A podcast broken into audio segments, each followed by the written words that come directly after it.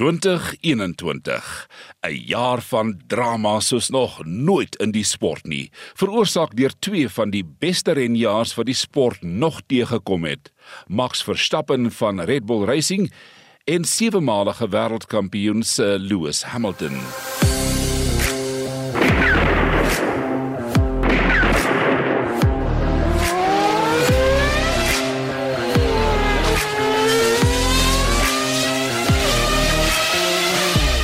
Die twee name wat hierdie seisoen in die geskiedenisboeke vir ewig het.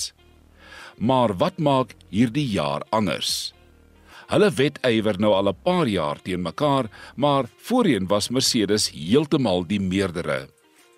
In 2015 Max Verstappen in sy eerste jaar, hy eindig 12de met 49 kampioenskapspunte. Lewis is in daardie jaar eerste met 348 punte. In 2016 Max Verstappen 5de met 204 punte. Lewis Hamilton met 380 punte. Dis die jaar toe Nico Rosberg wêreldkampioen geword het. 2017 Verstappen 6de met 168 punte. Lewis 1ste met 363 punte. 2018 Max Verstappen 4de met 249 punte, Lewis 1ste met 408 punte. 219 Verstappen 3de met 278 punte. Hamilton 413 punte. Met ander woorde, Verstappen stelselmatig besig om te verbeter.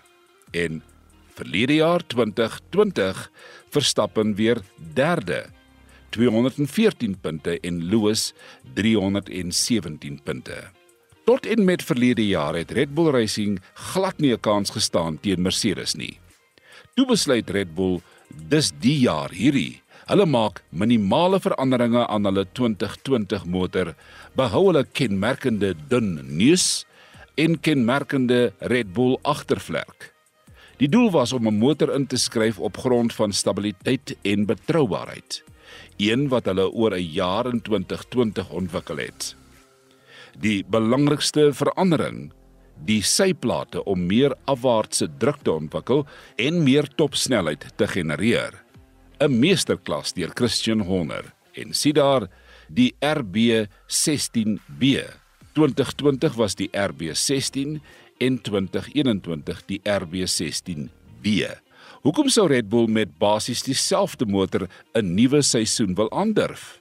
En die wysheid van die besluit kom later na vore in een van die mees omstrede jare in die geskiedenis van Formule 1.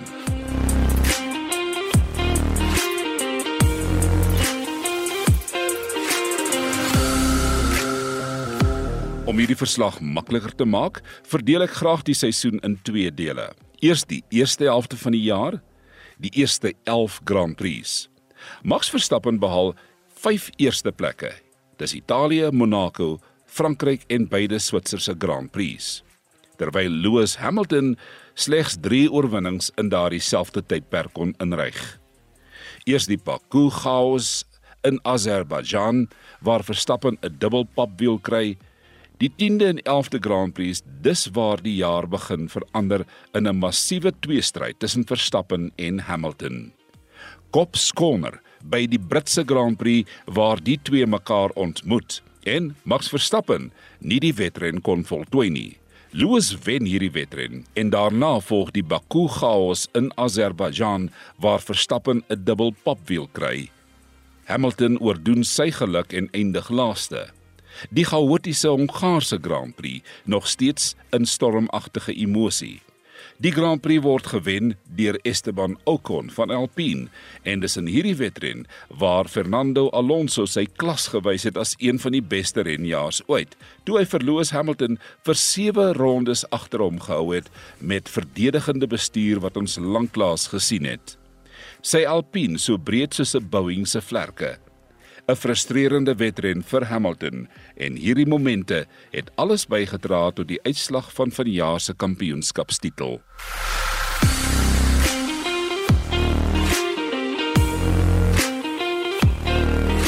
En nou gaan ons na die tweede deel van die seisoen vanaf Grand Prix 12.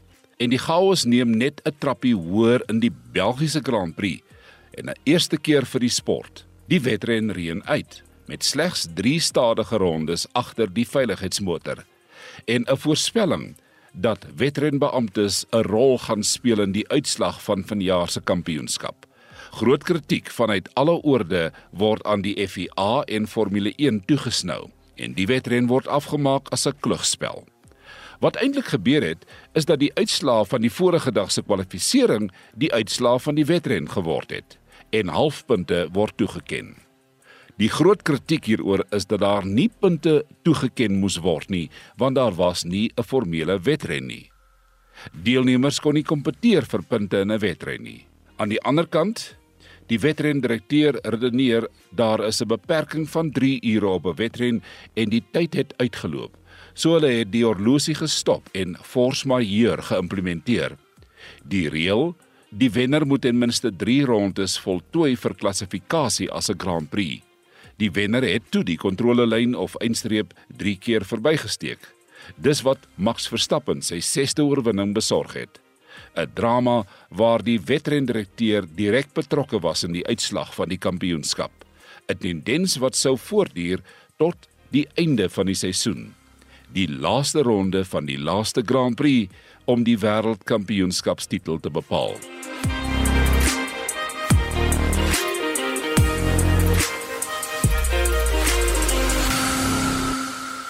Toe skuif die sirkus na Nederland, Zandvoort, Verstappen se tuiswedren en 'n letterlike voorspelling van die seisoenuitslag.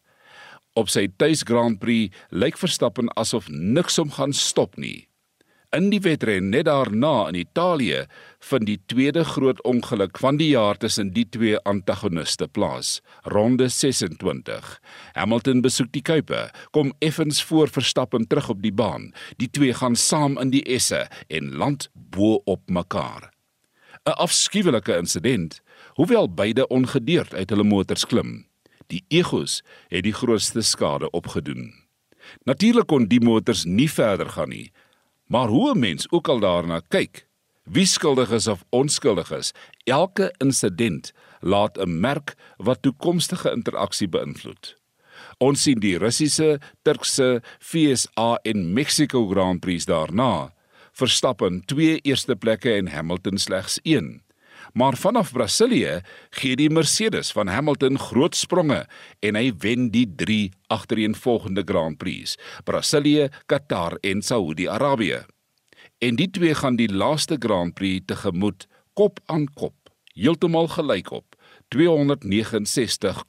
punte met slegs een wedren oor en die laaste Grand Prix word 'n kortbondige samevatting van die hele 2021 omstrede, skokkend, dramaties.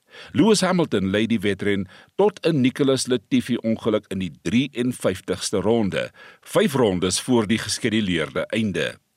Veiligheidsmotor word uitgeroep, 'n chaotiese hantering van die situasie deur die wedrendirekteur veroorsaak verskeie misverstande. Uiteindelik word die wedren voortgesit. Verstappen gaan verby Hamilton en wen die Grand Prix en sy eerste Formule 1 wêreldkampioenskapstitel. Groot ongelukkigheid oor die chaos. Mercedes proteseer amptelik oor die chaos, maar dit word van die hand gewys en ons het 'n nuwe wêreldkampioen, Max Verstappen.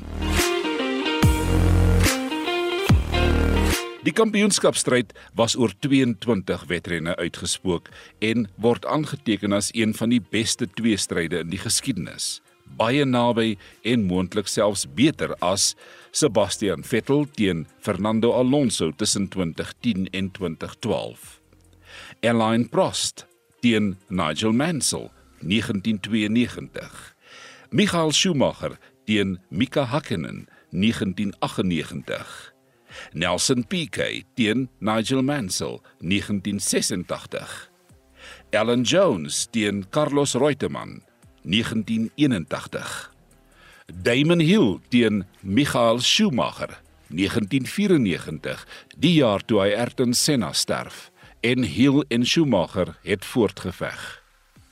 James Hunt en Niki Lauda 1976. Sebastian Vettel teen Mark Webber 2010 tot 2013. Lewis Hamilton teen Nico Rosberg 2016. En nou 2021 en volgens baie die beste in die geskiedenis, Verstappen teen Hamilton. Rou talent, waghalsigheid, oneindige wilskrag, renjaars wat nie hulle eie perke ken nie en wat vir niks gaan lê nie. Verstappen wat dieselfde karakter toon as Lewis Hamilton self. Toe Lewis die sport as jong man betree het. En tot aan die einde kon 'n mens sien dat Hamilton hierdie jong man geweldige respek gee. Want miskien sien Lewis Hamilton homself in Max Verstappen.